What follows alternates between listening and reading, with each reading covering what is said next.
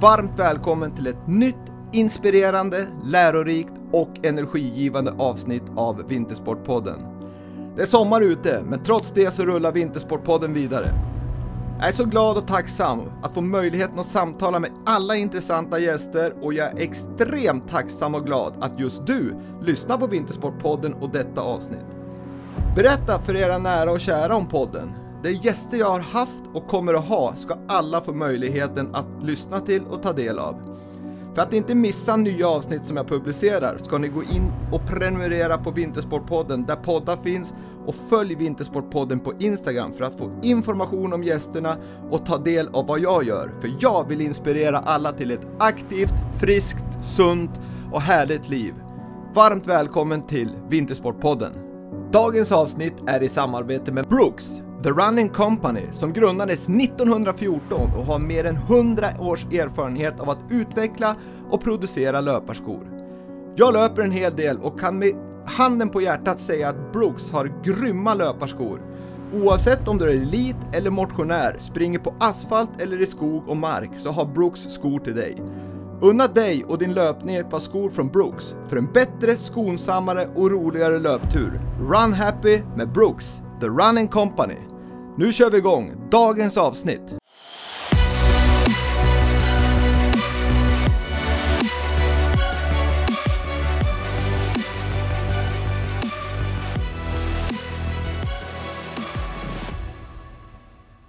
Dagens gäst i Vintersportpodden, före detta hockeybacken som skolade om sig till tränare och var en stor del av Skellefteå AIKs stora framgångar från 2010 och framåt.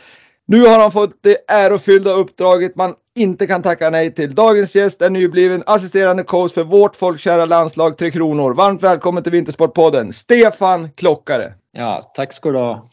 Lite fel där i introt, men 2010 var ju då du klev på, kan man väl säga, A-lag inom Skellefteå och då framgångssagan började. Innan jobbade du lite med J18 och J20 om jag inte missminner mig.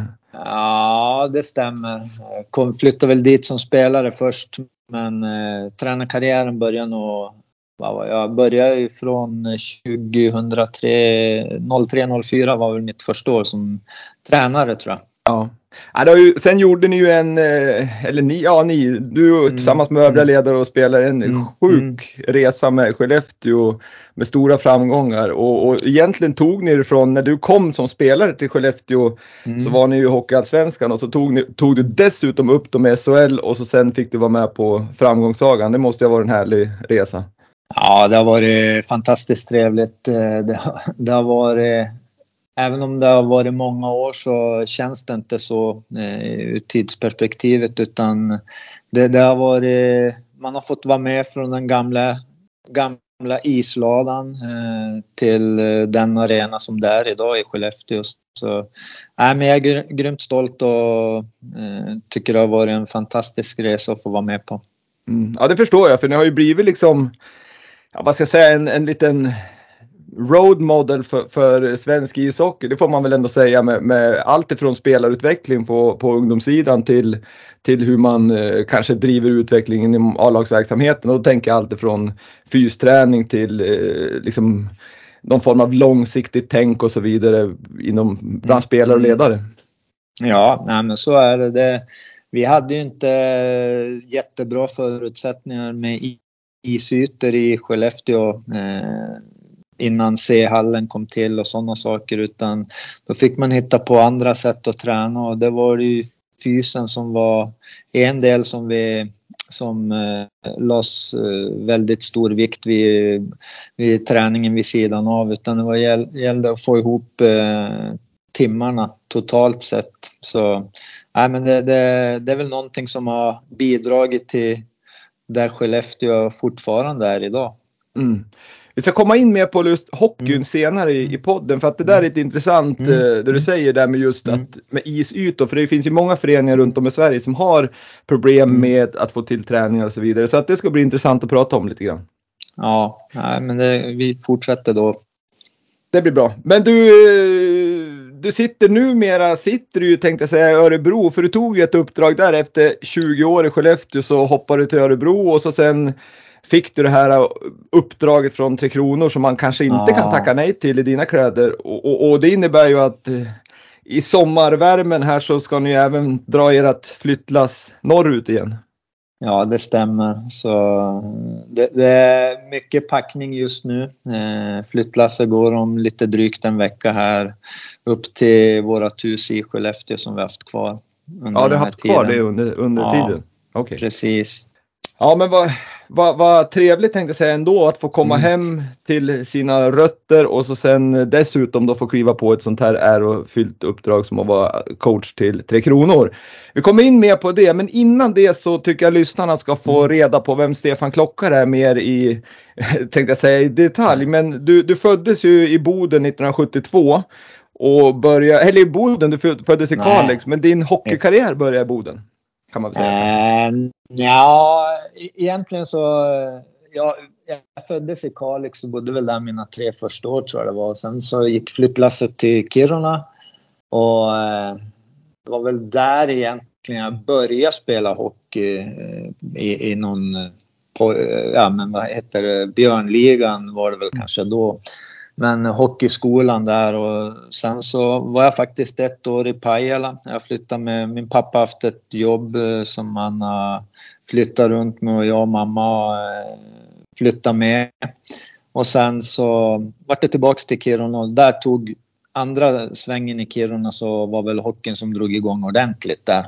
Mm. Så eh, mina, mina tre första år i IFK Kiruna faktiskt. Mm. Så, så är det. Så det fanns ju två lag på den tiden, eller gör det ju nu också, men då var det IFK och AIF. Och sen därifrån, ja. Intressant där med, med Kiruna där på, vad får man då säga, slutet av 70-talet, mm. 80-talet där ja, så då precis. måste ju ändå, det har varit väldigt hett med Börje Salming och Stig Salming där uppe i Kiruna som förebilder. Ja, nu var väl Ja, jag minns att jag haft eh, Börje Salming på en eh, affisch i mitt pojkrum. Eh, det är väl ungefär det, men man var, hade inte superbra koll, vet var ändå så pass ung. Jag började ganska tidigt ändå spela hockey där, men eh, jag tror inte man hade supermycket koll på i övrigt. Det är inget minne jag har så. Men eh, sen i efterhand har man ju förstått att det, det är ett hel drös med spelare som kommer där uppifrån. Mm. Men, men, jag tänker som, som hockeyspelare då, och, mm. och du beskrev mm. din uppväxt lite mm. som flyttande. Mm. För som jag mm. har läst på här så var ju din pappa en eh, riksdagsman som, som då tog olika uppdrag eh, och som du säger så flyttade ni runt en del. Men hur var det att spela hockey liksom och, och byta lag och jag tänker på ja men det är kompisar och det är nya lag mm. och så vidare. Men har det stärkt det eller var det jobbigt? Eh, jag har ingen minne av att det har varit jobbigt på så vis utan eh, det, det, har, det, har väl varit eh, när hockeyn väl drog igång så där så då har jag ju egentligen inte bytt lag utan jag flyttade ju sen från eh, Kiruna till Boden. Mina föräldrar är ursprungligen från Luleå så, så de ville väl komma närmare sina, sina syskon och mamma och pappa så där. Så då vart det Boden. Min pappa fick en tjänst där på Försäkringskassan. Så då gick flyttlasset dit och de har väl ändå på något vis velat tillbaks dit. Så jag har egentligen inte flyttat runt jättemycket på så vis just för hockeyns skull utan och eh, när man är barn så har det ju aldrig varit problem att träffa kompisar och framförallt inte när du kommer in i ett lag så har du ju många med samma intresse. Ja precis. Det, på så vis är ju mm. idrotten fantastisk om man ja. kommer till nya miljöer. Att, att man kan ja. ju ändå knyta det kring någonting. Precis. Men, men Stefan, när man har sett dig i båse och när man pratar med dig så här så verkar du vara en väldigt lugn person. Men, men hur är det som, om du får beskriva dig som person, hur skulle du säga då? Ja, jag, jag, är nog ganska lugn och försöker väl vara någorlunda analytisk i min eh, roll som, som eh, i mitt yrke så att säga som hockeytränare. Men sen så visst blir det ju att man blir het ibland i båset och eh, under matcher. Och, men det är ju någonting som driver en ändå att man, man gillar att tävla och jag tror att en sida är väl det man ser utåt sett men inombords så brinner den låga ändå. Sen gäller det att kunna kontrollera den ibland men nu tror jag spelarna ändå har sett att man är engagerad på så mm. vis innanför väggar också. Mm. Ja, det är ju det är en stor skillnad och jag, mm. jag skulle mm. nog säga att inom hockey så är det väl en styrka att kunna ha lugnet för det finns ju ganska mycket adrenalin i, på plan och i båset så det är nog ganska bra att ha en lite balans där, att någon håller tillbaks ja. lite lugn. Ja, ja nej, det, det, det, kan vara både och det där kan jag säga. Det, jag, ibland kanske man skulle behöva leva sig in mer men eh, jag, jag, försöker, om jag, om jag ska få ut eh, det bästa av mig i min yrkesroll så tror jag att eh, då, då, då behöver jag nog vara ganska cool ändå. Mm. Men du, jag förstår att som, som hockeytränare så går ju mycket tid åt att analysera och bygga laget och, och försöka mm. liksom se mm. framåt. Men, men utanför hockeyn, då, vad har du för intressen då? Oj, det är väl idrott i största allmänhet. Äh, fotboll tycker jag är skoj att titta på men sen eh, framförallt nu så har det kommit en sport som jag tycker är ruskigt roligt att spela. Det är ju paddel så, så det, det är ju det nya tycker jag och det, det har väl kanske saknat lite här i Örebro. Man har inte samma kontaktnät här och hinna tiden att hinna spela men eh, det var ju någonting man försökte göra i alla fall, motionera vid sidan av eh, jobbet så att säga i Skellefteå. Ja, jag förstår det, men, men ni, ni, får göra det tänkte jag säga, för risken när man börjar bli ja, men runt 50 plus där så, så är ju hälsenorna en, en ganska vanlig åkomma. Men, men hur, ja. hur, du är inte rädd för det så att du får stå i båsen med en stor gips? Nej, jag har inte tänkt så. Jag, jag, jag tycker det, då kanske man inte ska göra så många saker utan är olyckan framme så är han. Så det, framförallt är det motionen och att du, eller träna överhuvudtaget tycker jag är ruggigt roligt och egentligen så har väl sen jag slutade min aktiva karriär så har jag väl försökt springa mycket, ta med mig dojorna när man åker iväg på resor och mm. få lite egen tid sådär. Så, men sen nu när padden kom till Skellefteå så vart det mycket sånt också. Ja, jag håller med dig. Löpningen där, eller träning överlag är ju fantastiskt. Men mm. löpning är så enkel att för ett par skor ja. kan man ju knövla ner i väskan nästan vart man än ska. Precis. Och, nej, men jag tycker det, det är skönt. Framförallt så nollställer man skallen. Det är inga andra tankar man har egentligen. Inte när jag tränar i alla fall. Utan då, då, då har man då har fokus där och du får vara fräsch i skallen sen. Mm. Ja, helt rätt. Men du, jag tänker på hockey, liksom för de som lyssnar här och som inte liksom mm. är eh, hockeynördar eller har jobbat mm. med hockey och så vidare. Mm. Så så kan man ju ändå tänka sig att det kan vara svårt det här med familjeliv och vara hockeytränare eller hockeyspelare. Eftersom det är ju det är mycket kvällar naturligtvis, det är helger, det är långa resor och, och så vidare. Mm. Hur, hur, funkar det för dig med att få ihop liksom båda delarna och ha balans i det?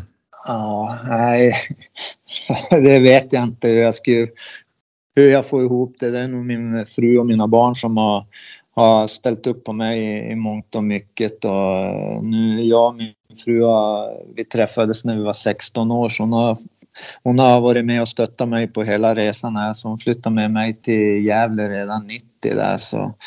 Och sen så 00 så föddes vår första son Elias och 03 vår andra son Linus så, som också tycker om idrott och, och hockey då speciellt. Så, nej, men de, har, de har supportat mig på största möjliga vis och grymt tacksam för den, för det stödet. Så det, ja. för det tror jag, just i den här rollen så behöver man ha förstående familjer. Mm. Jag förstår det och, och det är liksom det är ju inte bara tiden man lägger i hallen och, och på resor heller utan har man sådana här jobb som, som du nu har mm. då, då, då är ju hjärnan ganska igång även när man kommer hem mm. för att det kan ju om det mm. går dåligt eller om det går bra så, så är man ju på ett visst liksom, stadie i hjärnan också. Man funderar mycket mm. hur kan vi göra det bättre eller varför gjorde de si och varför gjorde de så mm. och så sen. Ja, så, så, det är en konst att kunna kanske koppla ifrån också då när, när man väl är med sin familj. Absolut, absolut, men det är väl någonting man har fått lära sig under resans gång. Framförallt var man väl det som var jobbigt tycker jag är när du börjar komma upp i, i seniorverksamheten där jag spelade ett år i Boden där Mm. 89-90 eh, tror jag det var. Och det jag tyckte egentligen som var jobbigast det var ju den här mentala, mentala biten och ladda. Och, men där gäller det ju att hitta ett sätt som man mår bra av sen i slutändan och det är väl någonting som man lär sig under resans gången då. Mm. Fysiskt så tror jag många klarar det ganska bra men det är just det mentala, att orka slå av och på är någonting som är viktigt att kunna, kunna ha den förmågan. Mm. Att koppla av när du inte är i ditt idrottande och sen koppla, koppla på det då när det behövs. Verkligen. Men om vi kommer in då på spelarkarriären där så, så har vi pratat lite om din början där i hockeyskolan mm. i Kiruna och så gick du vidare och körde Boden och seniorverksamhet. Men sen då 90, mm. 91 där så flyttade du till Gävle och började spela i mm. Brynäs. Där du blev ja. kvar väldigt många år. Jag tror du var där åtta ja. eller nio säsonger. Och, åtta, började, åtta år vart det. Åtta år. Och då mm. började de två första säsongerna så var det väl inte supermycket spel. Du, du var väl till och med utlånad där till om det var Varbo eller Gävle division 1? Ja, första året var jag ordinarie men sen år eh, ja, vilket det är, 90, 91, 92 så fick jag vara före jul och spela i hockey, eller då hette det ju division 1, men ja. Hockeyallsvenskan idag då mm. i Team Gävle. Men tränar ju med Brynäs eh, hela tiden så där, utan det var ju bara två dörrar i, ifrån det ordinarie, eller Brynäs omklädningsrum mm. Mm. till Team Gävle. Så det var egentligen ganska många spelare, som, unga spelare som gick den vägen i alla fall under den tiden och det var ju, man tyckte väl, höll väl inte med tränaren när man skulle ner och spela matcher där men eh, så här i slutändan så är det ändå någonting som var helt rätt väg för mig att, att gå den vägen. Och, och få spela mycket istället för att eh, kanske ha mindre istid i, i, i elitserien på den tiden. Så Nej, det, det här var perfekt för mig. Ja, det är nog lätt när man är där. Då vill man ju vara i, ja. vi säger elitserien, men SHL ja, då liksom. Eh, men, men först, där ser man ju att, att det tränarna gör i de flesta fall är ju inte av ondo utan det är ju för att, att utveckla individen och, och, och, se vad är bäst för Stefan Klockare här och nu. Men, men efter de där åren där, mm. där det svajar lite om jag får säga så, men mm. när du fick spela i Allsvenskan mm. och sen, sen mm. blev det ju liksom en tongivande back i Brynäs och var med och tog SM-guld 93 och så sen rullar det på mm. som sagt var ganska många år till. Men Mm. Men sen så har jag liksom funderat lite grann över, du gick bra i Brynäs, du var inte så himla gammal där du, när du liksom bestämde dig för att sluta i Brynäs, 27 år mm. kanske du var. Mm. Och så mm. gick du till Timrå, då var det väl, det var väl division 1, allsvenskan de ja. var ju då, då gick du tillbaks till Timrå, men du var ju med och spelade upp dem i elitserien. Ja, ja, eh, ja men det, det, jag var 26 tror jag när när jag flyttade upp dit till Timrå, eller när jag tog beslutet. Jag, var, jag bröt armen mitt sista år i Brynäs, eh, kom tillbaks i slutet på säsongen då och spelade. Och, nej, men eh, samtidigt så kände jag att den här eh, vid sidan av, vad, vad ska man göra då? Jag har en tvåårig social linje. Timrå erbjöd en eh, bra eh, ett bra jobb vid sidan, eller en utbildning vid sidan om hockeyn. Så, och det är kanske ett av de bästa valen som jag har gjort så där, för annars så lever du under kontraktstiden och sen vet du inte vad som händer när kontraktet går ut utan det var ingen rolig känsla. Eh, vi börjar bli till åren ändå om man nu ska prata ur familjesynpunkt sådär. Vad, vad ska vi göra? Ska vi skaffa barn och sådana saker? Min fru gick sjukgymnastutbildningen i Uppsala också så jag flyttade upp första halvåret där. Och sen så hade jag då en betald utbildning via IBM i Sundsvall där jag fick studera in till datatekniker och i, i deras regi och det är nog ett av de bättre valen jag har gjort just att man har ändå någonting att falla tillbaks på om hockeykarriären skulle sluta, skulle, inte, eller en skada skulle sätta stopp för det. Och det där gläder mig det Stefan när, mm. när du tar upp det där. För är det någonting mm. jag liksom lite brinner för och jag pratar med mm. många i podden som har lyckats med det här att man kanske tar ja. tag i ja, men hur, hur blir det efter karriären? För många står där och så är det slut en, en dag och så sen blir det mm. liksom helt tomt och man, man, man kanske till och mm. med får någon kris för att man tappar identiteten och så vidare. Så jag jag peppar ju alla som håller på med mm. idrott att liksom försök studera lite. Ni har mycket bussresor ni åker på, ni har mm. lite vilotid så mm. ta vara på den tiden och, mm. och tänk ett steg till. Liksom. Mm. Det tycker jag var härligt. Bra, bra mm. val där och moget val. Ja. Ja, nej, men jag hade ändå fått spela åtta år i elitserien och, och när den här möjligheten dök upp så kände man väl att jag, jag testar och Timrå var ju de var ju på väg framåt, ville, alltså hockeymässigt och de ville ju upp till elitserien igen och, och det är ju en anrik förening och, och vi lyckas ju där andra året och det var ju riktigt häftig resa det också. Mm. Som men, man fick vara med på. Men då, då när du har spelat upp dem där, då väljer du ju att gå samma resa igen, att, att tillbaks till allsvenskan och ja. Skellefteå. Och spela upp ja. dem också till elitserien. Ja, Eh, just i den, den vevan där så hade vi fått våran, eh, vårat, våran äldsta son Elias där. Så, och vi hade båda våra föräldrar uppe i Norrbotten då så, så det var väl också ett sätt att, eh, att komma närmare närmare dem och kunna få hjälp med barnpassning ifall det skulle behövas. Och, och ja, men jag fick ett jobb inom databranschen. På den tiden så hade du jobb vid sidan av. Du var inte heltidsproffs utan jag jobbade halvtid som datatekniker på en firma som heter Solid Park i, i Skellefteå. Och de finns väl kvar de va? Ja, nu heter det Skärpas. Jaha, så, ja, de har bytt namn. Så, ja. ja. precis.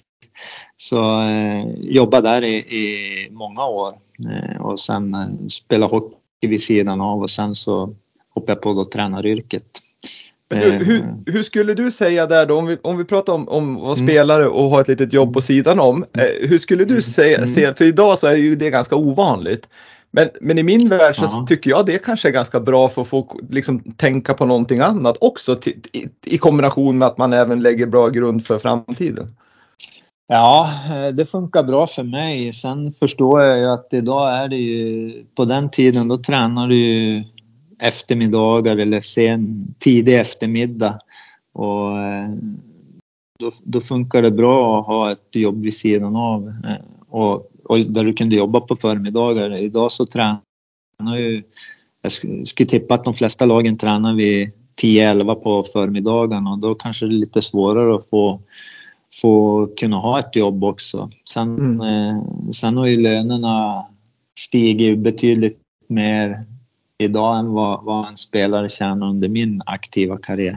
Mm. Men hur skulle du som ledare säga om, om en person kom och sa, hörru du, jag kommer jobba lite grann här på, på sidan för att, för att jag vill göra något annat. Och jag vet att det var aktuellt ja. när du var tränare i Skellefteå, för Magnus Wernbloom var väl säljare ja. på, för bilmärke där? Ja, precis. Jo, han, han jobbar ju vid sidan av och det är ju som man är olika som människor så där. Har man intresse av att och förkovra sig också så, så kan man ju ha ett jobb vid sidan av. Sen måste ju en förstående arbetsgivare också som ställer upp på det, mm. på de premisserna. Så, men absolut, för mig passar det väldigt bra att eh, ha någonting vid sidan av. Det är inte många år jag inte har gjort någonting utan de flesta gånger har jag haft någonting att göra. Mm. Ja, det är härligt att höra. Men sen glider vi då in på, som, precis som du sa, att du, du avslutade mm. din aktiva karriär i Skellefteå och så sen kom mm. du in då på, på tränarspåret och, och blev ledare där i, i olika konstellationer i, i Skellefteå. Men, men vad var det som gjorde att du hamnade på tränarspåren när du ändå hade gått en utbildning och hade jobbat som ja. IT-tekniker? Ja, jag, Eh, väl hålla kvar någonting eh, inom hockeyn. Det är ändå någonting som man har levt med nästan hela livet. Det är mina fem första levnadsår som man inte kanske höll på med sånt. Eh, och sen när jag fick möjligheten att kunna fortsätta, för egentligen min spelarkarriär i Skellefteå är väl ingenting att prata om egentligen. Jag var, tyckte jag mest var skadad där. Jag hade bröt armen mitt sista år där också som gjorde att, att jag kände att nu, nu hade väl ingen tanke egentligen på att lägga ner karriären så men sen ringde min eh, gamla hockeygymnasiecoach i Luleå, Ulf Tavola, och blev tränare där mm. i, i, i Skellefteå och frågade om jag skulle vilja assistera han i båset. Mm. Och det var ju, så det vart ju som en sån där, ja, det ska jag göra? Nej, så jag får se, jag måste fundera på det i så fall. Och så. Men det tog inte så många timmar så kände jag bara att nej, jag, jag hoppar på det här. För jag hade sagt åt eh, dåvarande P.O. Larsson som var sportchef att jag skulle gärna vilja gå någon ledarutbildning början då. Eh, se åt vilket håll det bär. Då. Och då, då, jag vet inte om han hade tipsat Tavola om det också sådär. Så. Nej, det, det, ibland är det små marginaler som gör det. Då, när jag hoppade på det så var jag ju tvungen att prata med några spelare som jag umgicks med. Att kan vi sköta det hockeyn för sig och privatlivet för sig. För det är klart man vill ju fortfarande vara en i, i gänget sådär men då är, sitter man på tränarsidan i omklädningsrummet från att ha varit spelare. Det är klart det blir lite skillnad men mm. alla sa att absolut det funkar och jag är glad för det i, men, i dagsläget. Men du, du leder ändå in mig på en fråga där som, som, jag, mm. som jag tycker är mm. intressant vad det gäller ledarskap mm. i sin allmänhet oavsett om det är inom idrotten eller på mm. företag så, så är det många som hamnar i de här situationerna liksom att man man är kompis kanske i grund och botten men sen blir man chef för någon. Eller att man nu med sociala medier så är det väl diskussioner, kan man vara vän med någon eller någon man har under sig på Facebook eller vad det nu än är. Men ja. hur, han, liksom, du berättar att du hanterar det men, men har du liksom din ledarstil, är den hård och rak eller liksom, har, du, har du problem med konflikter? Mm, no, konflikträdd vet jag inte om jag... Visst är man väl, det är inte det roligaste med konflikter, det, så kan jag väl säga. Men, det tycker nog ingen. Nej, jag tror inte heller det. Men eh, som chef så måste du ta ett beslut i alla fall. Eh, men det viktigaste är väl att du har ärlig, att du inte lindar in svaret utan var, var ärlig och säg så här har jag tänkt i så fall och om de behöver ett svar på frågan varför det har blivit som det har blivit och jag tycker väl ärlighet är väl någonting man måste vara, vara prata med, in, ja, med de berörda individerna så tidigt som möjligt. Så men nu var det väl, jag skulle säga mina två första år där som ledare så var det nog mer plocka puckar. Jag tyckte det var, det var stor skillnad mot för att vara hockeyspelare i alla fall. Jag, jag brukar ha sagt åt Tavola att det hade nog varit en bättre spelare eh, om jag hade börjat om att spela bara efter första året. Mm. Hur, hur allting fungerar. Jag förstår det. Det är många, jag tror mm. att man, det är nyttigt att få liksom den här helheten och vilken, vad, vad, hur mycket som läggs ner runt om och före, mm. efter och, och liksom mm. att det finns tanke med allting. Men, mm. men jag tänker på som hockeycoach där så har man ju, jag skulle säga varje dag så är det ju beslut som fattas om Ska mm. den få spela överhuvudtaget? Den ska byta femma från första till tredje och, och det är det ena och det andra. Och liksom. Så att det måste ju vara väldigt mycket dialog med spelarna och sen förstår jag att spelarna är olika. Att vissa de vill ha förklaring på varför de inte fick stå först mm. i ledet på övningarna på träningen mm. och, och, vissa skiter i det överhuvudtaget. Men mm. eh, tycker du att den delen är en jobbig del av ditt yrke eller ser du bara det är yrket i stort sett? Ja, jag, jag tycker nog inte att eh, det är aldrig roligt att sätta någon åt sidan om det nu behövs så, men det, det tillhör ju som i, i yrket så är det ju någonting som följer med om man är uppväxt med det eh, på något vis och man har lärt sig hantera det. Eh, men eh, det, det, är ju, jag, bruk, jag brukar tänka om det är någonting jag retar mig på hos hos dig Ville till exempel. Mm. Då måste jag ju vara ärlig och, och säga det åt dig att tänk på att du måste bli bättre på att passa pucken. Mm. Sen, sen har jag då på något vis har jag lämnat över bollen till dig då att då, då vet ju du om vad jag vill se av det och ändrar inte du dig då, då har jag ju ändå kött på benen att då har du ju förklaringen själv också att du, du, det är den här grejen som jag pratar med dig om men du har inte ändrat ditt beteende. Eller att fasiken ville, han börjar spela pucken nu och mm. passa och, och bli mycket bättre. Så man kan i ett tidigt stadie också uh, vara ärlig med spelarna innan det blir det drastiska beslutet att bänka någon. Mm. Hur, hur, ser du på den här um, svårigheten ändå så kan jag ju tänka mig liksom att oavsett om det är fotboll eller hockey där det är mycket mm. pengar och det är uttagningar mm. och det är liksom stjärnor mm. hit och dit. Mm. Och låt oss säga att ni har liksom tre stycken stjärnor i ett lag som, som har högst lön och de är liksom, har, mm. kommer från NHL och hej och hå liksom. Och så sen presterar de inte riktigt. Man hör ju talas då om att det är svårt att sätta en sån spelare på bänken eftersom de, de har hög lön och de kommer från någonting. Hur, hur ja. Finns det en verklighet i det eller sätter man en sån spelare på bänken? Ja, det har hänt. Det har hänt ganska många gånger under, i de lag jag har varit. Så, så blir det ju så. Du måste ändå tänka på laget i första hand.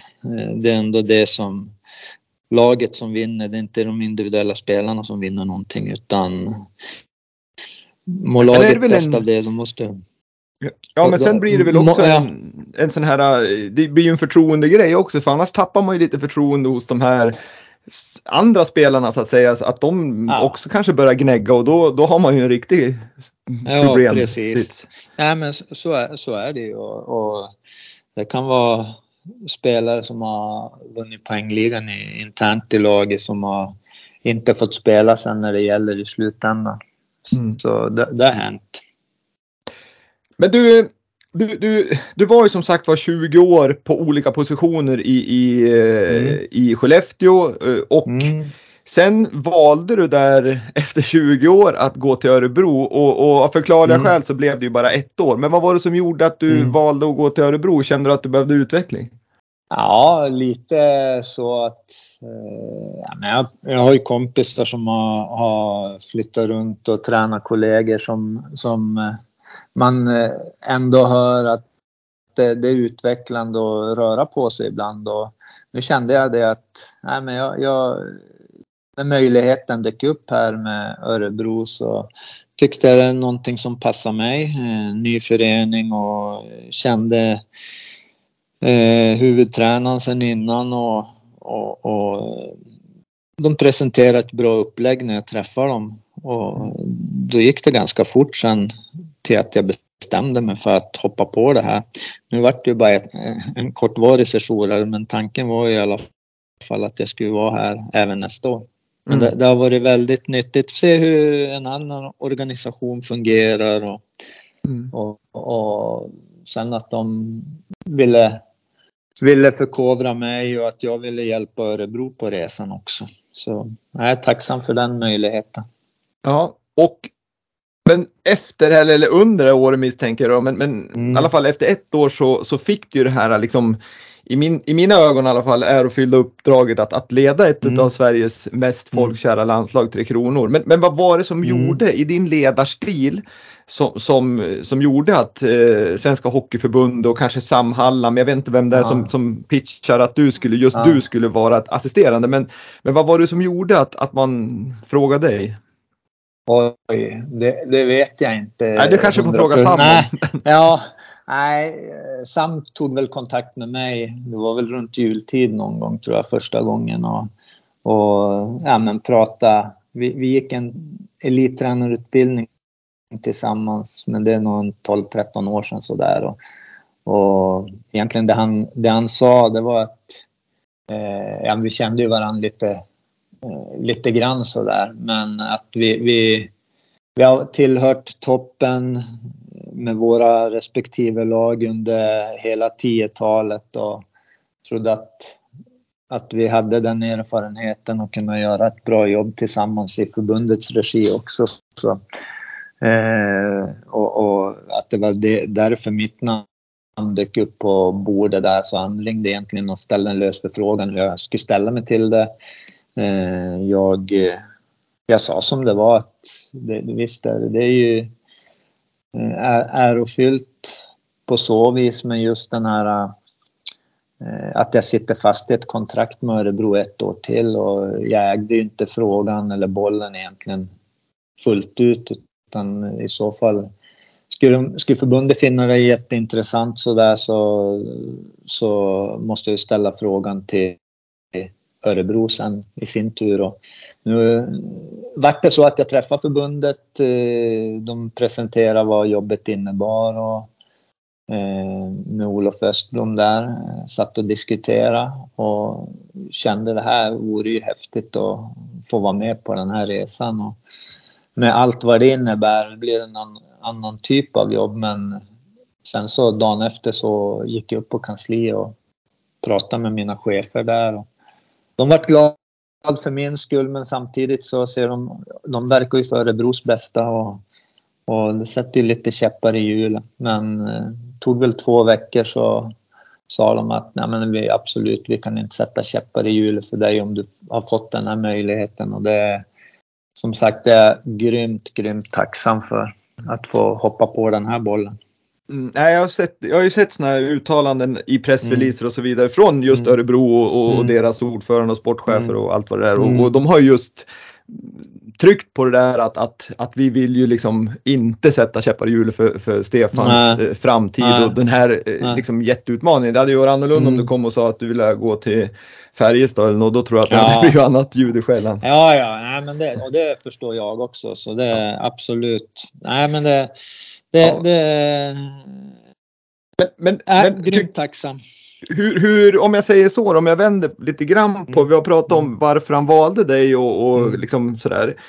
Och, och, ni kände varandra och du har berättat det. Men, mm. men mm liksom, har ni samsyn? Ni måste ju ha samsyn i det mesta, men samtidigt så måste ni komplettera varandra på något sätt. Va, vad har du som inte Sam har som, som ni har diskuterat? Liksom? Oj, oj. Ja, men vi, om man tittar nu på verksamheten eh, Skellefteå-Örebro kontra Växjö så har väl framförallt mellan Skellefteå och Växjö så har ju vi har ju pratat om vad vi ska göra.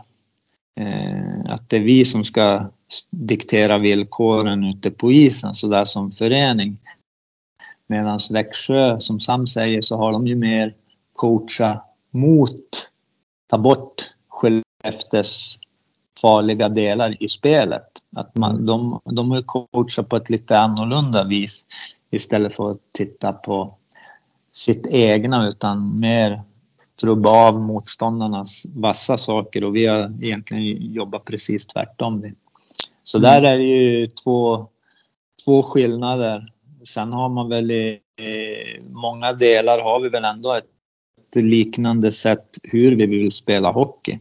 Eh, det, det skiljer sig inte jättemycket men samtidigt så är det ju eh, att man ändå kan skillnader och att man kan säga vad man tycker och tänker och sen nu i det här fallet så är det ju Sam som har slutgiltiga ordet vid laguttagningar och, mm. och, och spelsätt sådär så men det, det är jag inte alls orolig för att det inte ska funka utan men i, allting är inte likadant utan vi har lite skillnader där.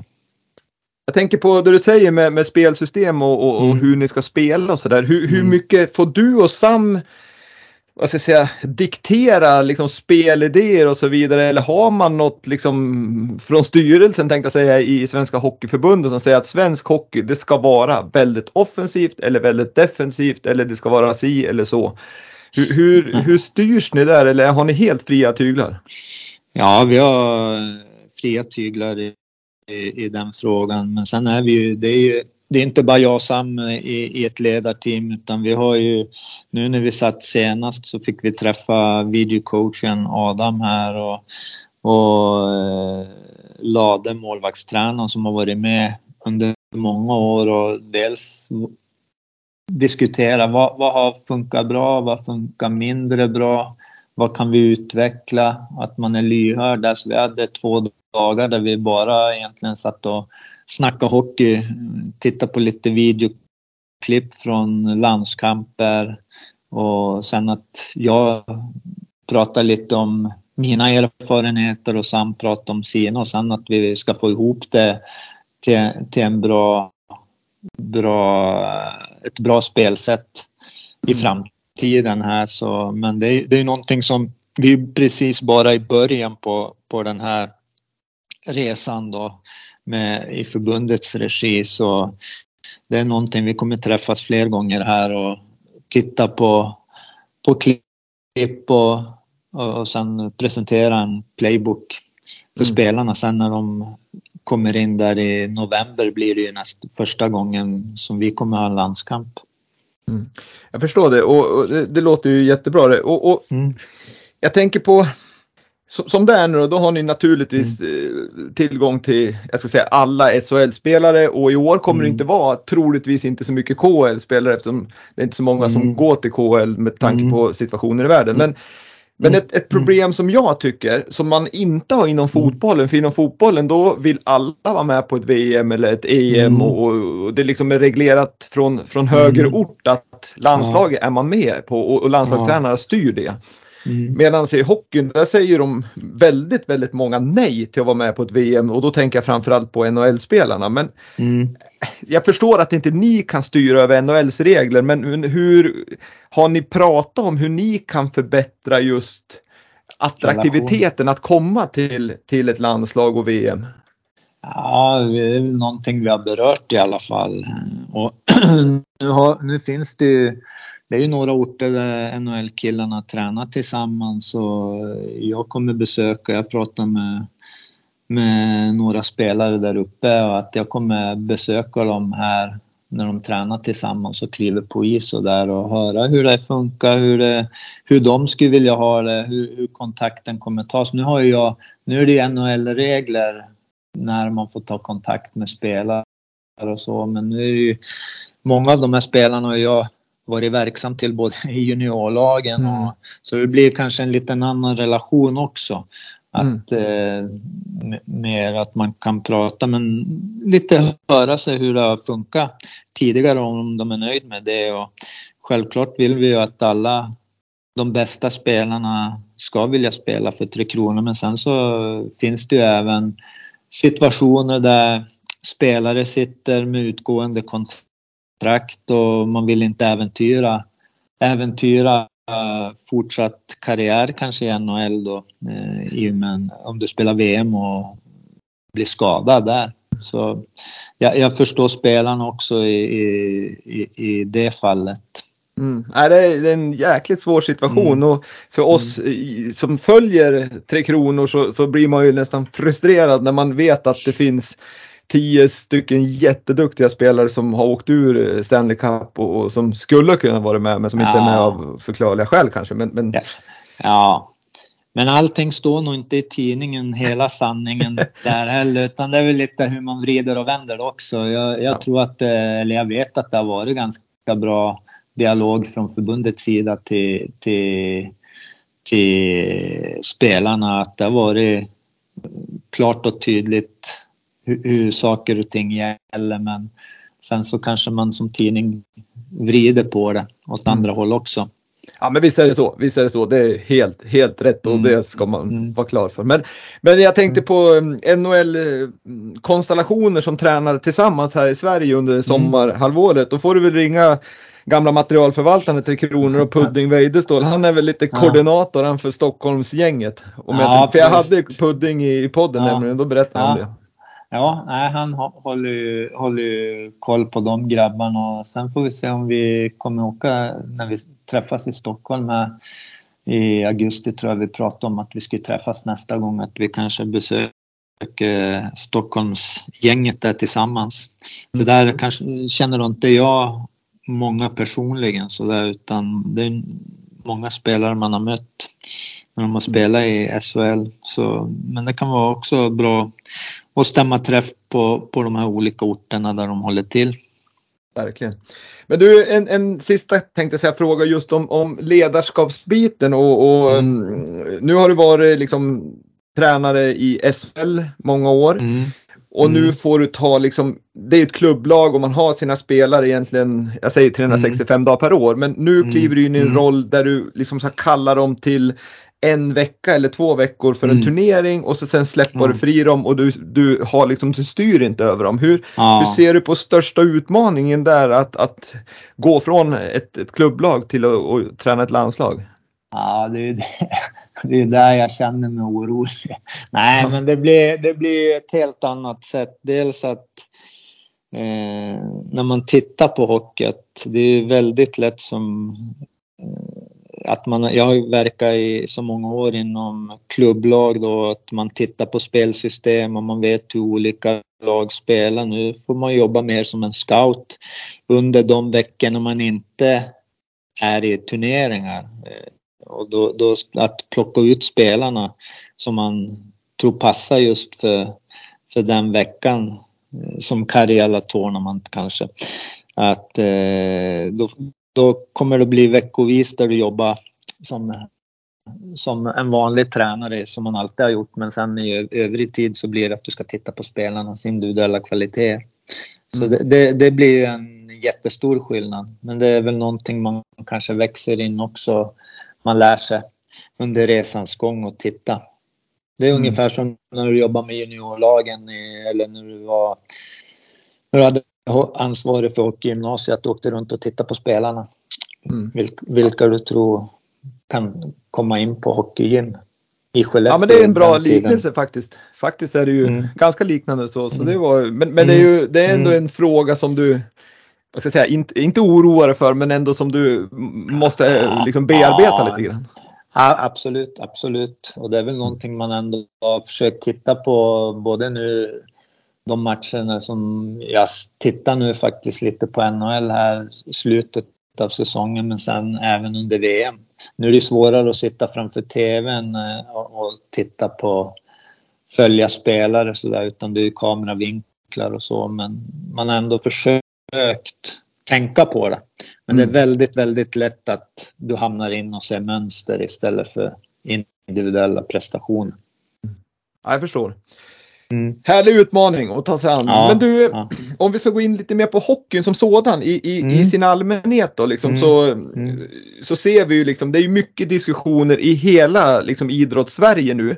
Om man tänker på det här med tidig specialisering och är man tio år så ska man på väg på hockeyskolor. Man kan inte spela fotboll om man spelar hockey eller vice versa och så vidare. Så att, hur, hur ser du på, på den utvecklingen? Eh, tycker du det är bra att man har en idrott 12 månader per år eller ser du liksom att det är bra att ungdomarna håller på med fler olika saker?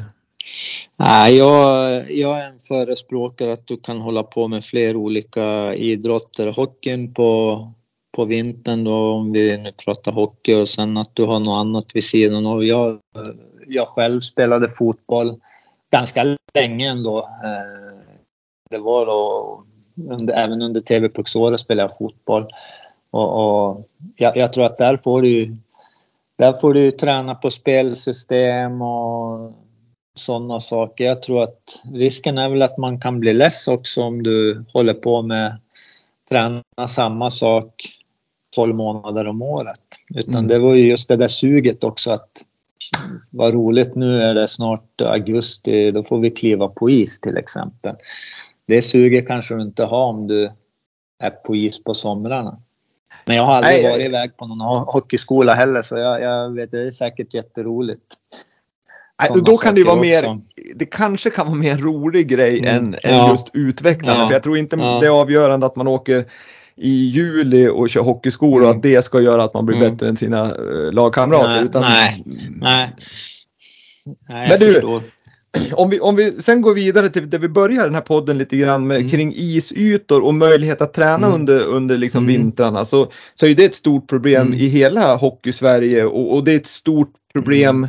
Det är liksom inte så enkelt att lösa. Det är inte bara att kratta ordning en plan utan ska man bygga en hall så ska kommun vara med och då ska liksom det tas politiska beslut. Mm. Men, men jag tycker ibland att man kanske gör det lite för svårt för jag tycker ju inte att det är fel att 10, 12, 13, 14-åringar har en uterink att spela på vilket är enklare Mm. att, att göra. Hur, Mm. hur, hur ser du på, eller hur, hur skulle du se en lösning på det här problemet? Nej. uterink i, som klimatet är. Det är ju nog svårt i Norrland att vara på en uteis så, men absolut skulle det finnas möjlighet med konstfrusna banor så vore det optimalt eh, mm. att kunna vara, för det är ju härligt att få, få träna ute. Eh, så det, det skulle funka jättebra. Eh, men sen om du inte har om du inte har isytorna då, då måste man ju hitta andra sätt att, att hålla igång på. Mm. Om det då är via brottning som man hade i Skellefteå eller om det är teknikkula sådär eller spela innebandy eller men göra andra, andra saker för att hålla igång. Mm. För det är det lite jag är ute efter. För många gånger så tycker jag att man har den här, nej men det är kört, vi har inga istider. Mm.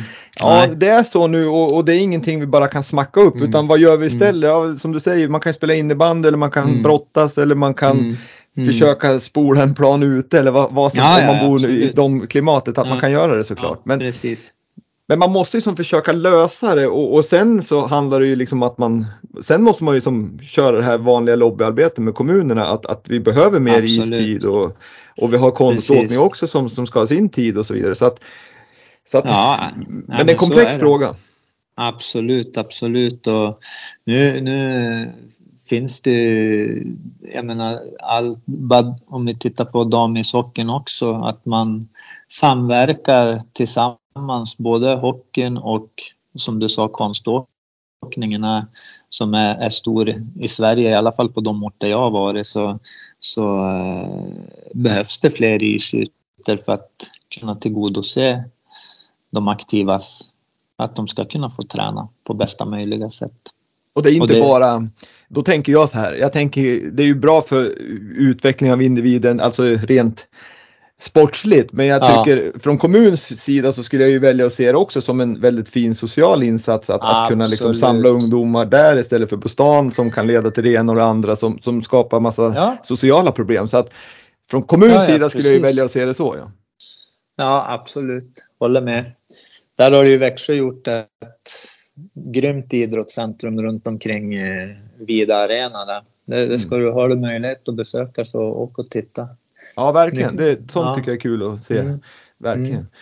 Men du, om man tar hockeyns liksom träningsbit och så tycker jag kommer ju mer från en, jag har ju spelat hockey själv men jag mm. har ju liksom varit elitaktiv inom en individuell idrott och där vet jag ju liksom, mm. där var det ju personligt ansvar och man tränar ju nästan för mycket och de fick mm. bromsa en för att man var så himla mm. liksom energisk. Hur mm. tycker du liksom träningsbiten och kostbiten inom hockeyn har varit och hur har utvecklingen gått? För jag vet ju att du har ju liksom varit med på resan tillsammans med Stefan Thomsson mm. uppe i Skellefteå mm. vad det gäller fysbiten. Mm. Och han, Stefan, mm. har ju också varit med i podden och han är ju längdtränare idag. Och jag ja. tycker det jag ser utifrån att han har ju bidragit med väldigt mycket bra tankar för hockeyns fysträning om man säger så då. Absolut. Hur tycker du själv att den utvecklingen är och, och kan bli bättre ändå? Liksom? Kan man ta mycket fördelar ja. av individuella idrotter? Ja, men det, jag tror absolut. Eh, som individuell idrottare så är de nog mer eh, de tar ansvar på ett annat vis och är mer intresserad för där eh, är det svårt att gömma sig i, i en grupp. Medan som en lagidrottare så, så finns det väl diverse eh, olika träningskulturer hos de individuella personerna men eh, sen när du väl kommer ut på isen så syns det inte lika mycket. Men det är ändå någonting som har utvecklats ruskigt mycket sista, sista 15, 10-15 åren alltså. Bara sen en annan var aktiv så är det ju jättestor skillnad. Mm. Allt vad gäller kost, eh, ja, var, var du petar i det helt enkelt. Mm. Vet, när en annan kom in, när man började i seniorverksamheten, då bjöd ju borta laget på att dricka en drickaback där du fick en dricka. Då var det kanske fyra mineralvatten i en 24, 24 låda. Det, de, de, de var kvar. Det var ju Cola och Fanta och allt vad det heter som rök först. Och idag är det tvärtom. Är det något ställe där det kommer in en Coca-Cola, då är det sånt som är kvar i dagsläget. Bara sådana mm. små saker. Eh, så det har blivit betydligt ja, det, det blir mer och mer noggrannhet inom hockeyn då som jag kan. Det är nog ingen skillnad vad gäller fotbollen heller. Du, du, har, du har kroppen som verktyg och då måste du optimera det på bästa möjliga vis. Ja men exakt och det, det är det jag är lite ute efter att, att mm. oavsett om du är individuell eller lagidrottare så är mm. det ju mm. ändå din kropp som, även om du kan gömma det bakom någon, men ska man mm. bli liksom, ta steget och bli den här som sticker ut så, så mm. måste du ju ta ditt ansvar. Och jag vet att Skellefteå genom er och Stefan Thomsson mm. har gjort ett jättebra jobb och legat i framkant där och nu vet jag jag vet att Färjestad också gör ett väldigt bra mm. jobb på fysbiten mm. tillsammans med fystränaren där, Rickard Kalenius som, som ja, är ja. väldigt seriös och analyserar och gör upplägg och, och, följer upp spelarna via appar och så vidare. Så att det ja. går ju helt, helt och hållet åt rätt håll i alla fall. Ja, ja, Nej, men det, det är viktigt och framförallt inom hockeyn så är det ju är det ju en sån tuff idrott. Den är ganska komplex. Du behöver bra kondition, du behöver bra styrka, du behöver vara explosiv och allt sånt och då, då gäller det att du vet vad du petar i dig så du får in rätt näring det. Mm. Och sen är det ju så mycket matcher då, liksom, det är ju två, två ibland tre Precis. matcher i veckan och då, ja. då, då, måste man ju förebygga eventuella skador så att det inte blir tok. Precis, och resor på det utöver ja. matcherna. Mm. Ja men det är intressant som 17. Men du innan mm. vi ska avsluta det här så hur, hur ser du hockeyns utveckling i framtiden? Vad, vad, tror du kommer och vad skulle du vilja se för att göra den ännu mer attraktiv? Oj. Komplex ja, fråga det och du. Ja, ja verkligen. Ja, men jag tror att det går ju lite i cykler, hur, hur hockeyn utvecklar eh, sig. SHL nu har ju under sista åren har ju varit väldigt, väldigt eh, fart, fartfylld eh, och otroligt snabbt. Eh, eh, och, och, och, så tittar vi på Finland, hur de spelar nu och mer tillbakadraget, mer lite 90-tals stuk, hålla ihop laget vänta på motståndarnas misstag. Och jag tror att vi en liten balansgång där finnarna haft väldigt, väldigt stora framgångar nu. Men jag tror att det ena behöver inte utesluta det andra utan mer att man hittar en balans mellan det här kompakta försvarsspelet samtidigt som du kan ha den här äh, intensiteten som är mycket i SHL idag fortfarande. Mm. Men det finns ju några lag som har blivit mer återhållsamma i, i just det sättet. Som eh, Skellefteå och Frölunda. För att nämna några lag som spelar just den typen av spel. Mm. Men eh, om man pratar den traditionella svenska stilen så är det väl det som är en balansgång där. Att ibland så måste du ha intensiteten men det att, men ändå välja situationer när vi kan hålla ihop mm. femman. Ja men precis, det är, det är svåra frågor som jag ställer så här på, ja, på, ja. på, på i podden. Men, men eh, ja. det är intressant ändå att se uh, hur, mm. hur, hur, du tar an dem. Det tycker jag var mm. intressant. Mm. mm.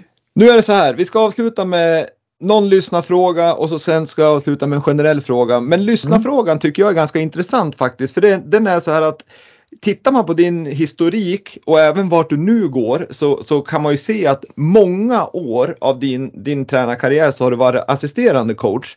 Är det en ja. roll som du vill ha eller liksom strävar du mer mot att bli head coach? För det är liksom hur man är som person också. Mm.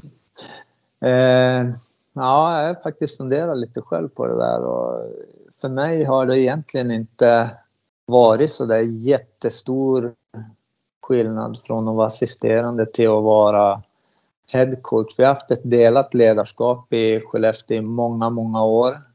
Eh, men där du har ansvarat för dina ansvarsområden.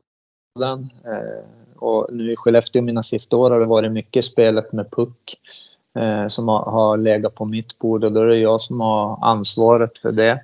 Och eh, även fast jag var assisterande under Tommy Samuelsson när han var head coach. Sen att det är han som har slutgiltiga ordet sådär men det är sällan det har varit det har gått så långt utan det är en, ändå en samsyn när du diskuterar fram. Så jag tycker i de, i de eh, organisationer jag jobbar så oavsett om jag varit assisterande eller delat ledarskap så har aldrig varit något bekymmer sådär och ser, jag, ser som att man gör jobbet tillsammans och visst, head coach absolut i framtiden, har inga bekymmer med det och, men jag skulle nog inte jobba någon jobba något annorlunda mer än att jag kanske skulle ha sista ordet.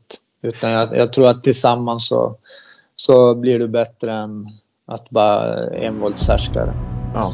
Nej men och det ser man ju också att, att, att det är som du säger att det kanske är den headcoachen som får göra den här sista bestämmelsen ja. vem ska spela eller inte. Men, men tittar man i, i båset så verkar det ju, dialogen finns där och sen kanske som du säger assisterande kanske ändå är ansvarig över backarna och någon är ansvarig ja. över forwarderna och någon ja. är ansvarig över puck ja. bla bla bla.